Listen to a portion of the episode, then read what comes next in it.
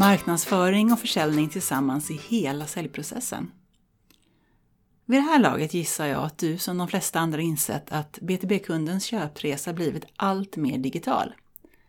Förmodligen har du läst eller hört talas om CEBs studie som redan 2013 visade hur BTB-köpare gör närmare 60% av sin köpresa på egen hand i digitala kanaler innan man är beredd att träffa en säljrepresentant. Kanske har du också tagit del av Gartners studie från 2020 som förutspår att 80% av all dialog mellan köpare och säljare business to business kommer att ske i digitala kanaler redan 2025. Men har du på riktigt satt dig ner och funderat över vad det här betyder för ditt företag? Affären kan vara körd redan före första mötet. Konkret innebär det att om ditt företag inte är lika snyggt, smart och vass i de digitala kanalerna som ni är i era kundmöten, när säljorganisationen väl träffar kunden, så är risken stor att loppet är kört, innan det första kundmötet ens blivit av.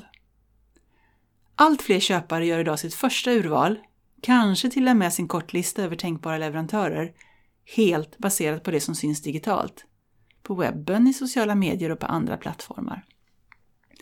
Lösningen för att undvika att ditt företag blir diskvalificerat innan ni ens fått chans att ses är förstås att just se till att den digitala bilden av företaget är lika proffsig som era säljare. Lika välinformerade, inspirerande, kunniga och framförallt generösa med att dela med sig av kunskap och erfarenheter. Precis det som krävs för att väcka intresse och bygga förtroendet tidigt under kundens köpresa. Marknadsföring och försäljning tillsammans hela vägen. Smart B2B-marknadsföring 2022 bygger inte bara varumärke och bidrar till att kunden hittar till ditt företag.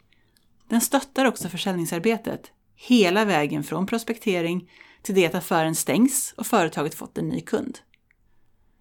För att titta närmare på hur marknaden kan stötta arbetet kan vi ta hjälp av en ganska typisk säljprocess. En snabb googling ger att de flesta säljprocesser faktiskt beskrivs med sju steg. Från den första kontakten till en affär ungefär så här. Prospektering, initial kontakt, behovsanalys och kvalificering, vårda och utveckla relationen, presentera erbjudande, hantera argument och stäng affären. Prospektering. Det första steget för att kicka igång säljarbetet är prospektering. Arbetet som går ut på att identifiera lämpliga kandidater, även kallat personas för en säljkontakt. Det är många gånger ett omfattande arbete som kräver både struktur, kreativt tankearbete och en hel del tid. Så hur kan marknaden hjälpa till på bästa sätt? Genom att attrahera potentiella kunder till företaget och företagets kanaler med smart och relevant innehåll. Istället för att sälj på egen hand ska leta upp dem. Genom att göra det enkelt för potentiella kunder att hitta dig i ditt företag och ta del av det ni har att erbjuda så ökar chanserna att säljorganisationen kan lägga sitt krut på just de personer och personas som faktiskt är redo för att ta en dialog. 2. Initial kontakt. Så är det dags att knyta kontakt med de som förhoppningsvis så småningom ska bli företagets kunder. Att tränga igenom bruset och få kontakt är ofta minst lika omfattande arbete som det att identifiera vem som ska kontaktas. Många, säljare, innesäljare och externa mötesbokare, vittnar om utmaningen att det krävs allt fler telefonsamtal och kontaktförsök idag för att få napp. Med rätt systemstöd kan marknaden verkligen bidra till att göra arbetet enklare och mer effektivt. Tänk om Sälj kan fokusera sina insatser på att kontakta företag och individer som redan signalerat ett intresse, som både är intresserade och förhoppningsvis köpredo. Det är fullt möjligt. 3. Behovsanalys och kvalificering. Att göra en behovsanalys och kvalificera nya kontakter handlar om att förstå om personen och företaget verkligen har det behov, intresse och inte minst den köpkraft som krävs för att bli kund.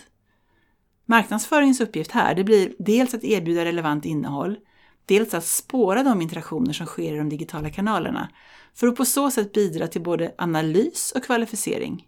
Vad läser man? Vilka videos tittar man på? Vilka sidor besöks på företagets webbplats och vilka mejl klickas upp? Vad laddar den nya kontakten ner? Och vilka event väljer man att delta i? Genom att samla information om olika kontakters intresse byggs ett digitalt fotavtryck upp eh, av insikter och intressen. Fotavtrycket blir ju en viktig ledtråd i arbetet med att kvalificera potentiella kunder och planera för nästa steg i säljdialogen. 4. Vårda och utveckla relationen.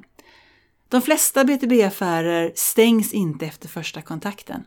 Som säljare är målet att fördjupa relationen, förvalta intresse och bygga förtroende.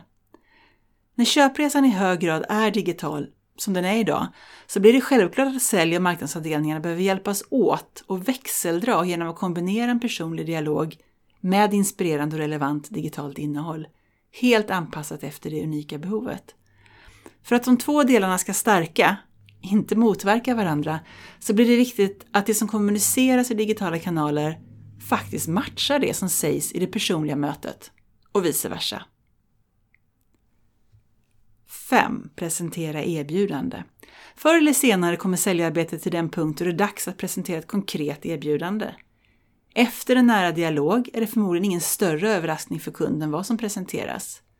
Kanske har personen redan läst på och tagit del av de möjligheter som erbjuds på företagets sajt. När den tilltänkta kunden får ta del av erbjudandet har marknad och sälj det gemensamma ansvaret för att svara på eventuella uppföljande frågor i en digital personlig dialog. Hantera argument. En avgörande fas för om det i slutändan ska bli en affär eller inte är att säljorganisationen på ett övertygande sätt kan hantera de argument som uppkommer när kunden väl ska göra sitt slutliga val. En erfaren säljare har löpande samlat på sig intryck och är beredd att hantera de invändningar som kan tänkas uppstå. Marknadsföringen och dialogen i digitala kanaler kan också styras till att föregripa och bemöta de vanligaste argumenten och invändningarna med insiktsfullt innehåll. I bästa fall redan innan frågorna uppstår. 7. Stäng affären. Merparten av alla större B2B-affärer stängs fortfarande genom ett personligt handslag, något som faller helt på säljkåren. Samtidigt så är det allt fler B2B-företag som satsar på digital handel och låter sina kunder göra affärer digitalt. Det finns studier idag som visar att B2B-företags e-handel i hög grad är en fråga för marknadschefen, men det kan vi komma tillbaka till senare. Gemensam förståelse för kunden är avgörande. Som sammanfattning så kan vi konstatera att det, när köpresan blivit mer digital än någonsin, inte längre räcker att ha världens eller branschens bästa säljkår. Lika viktigt är det att ha en engagerad marknadsavdelning med djup och verklig förståelse för kunder, kunders behov och deras köpresa.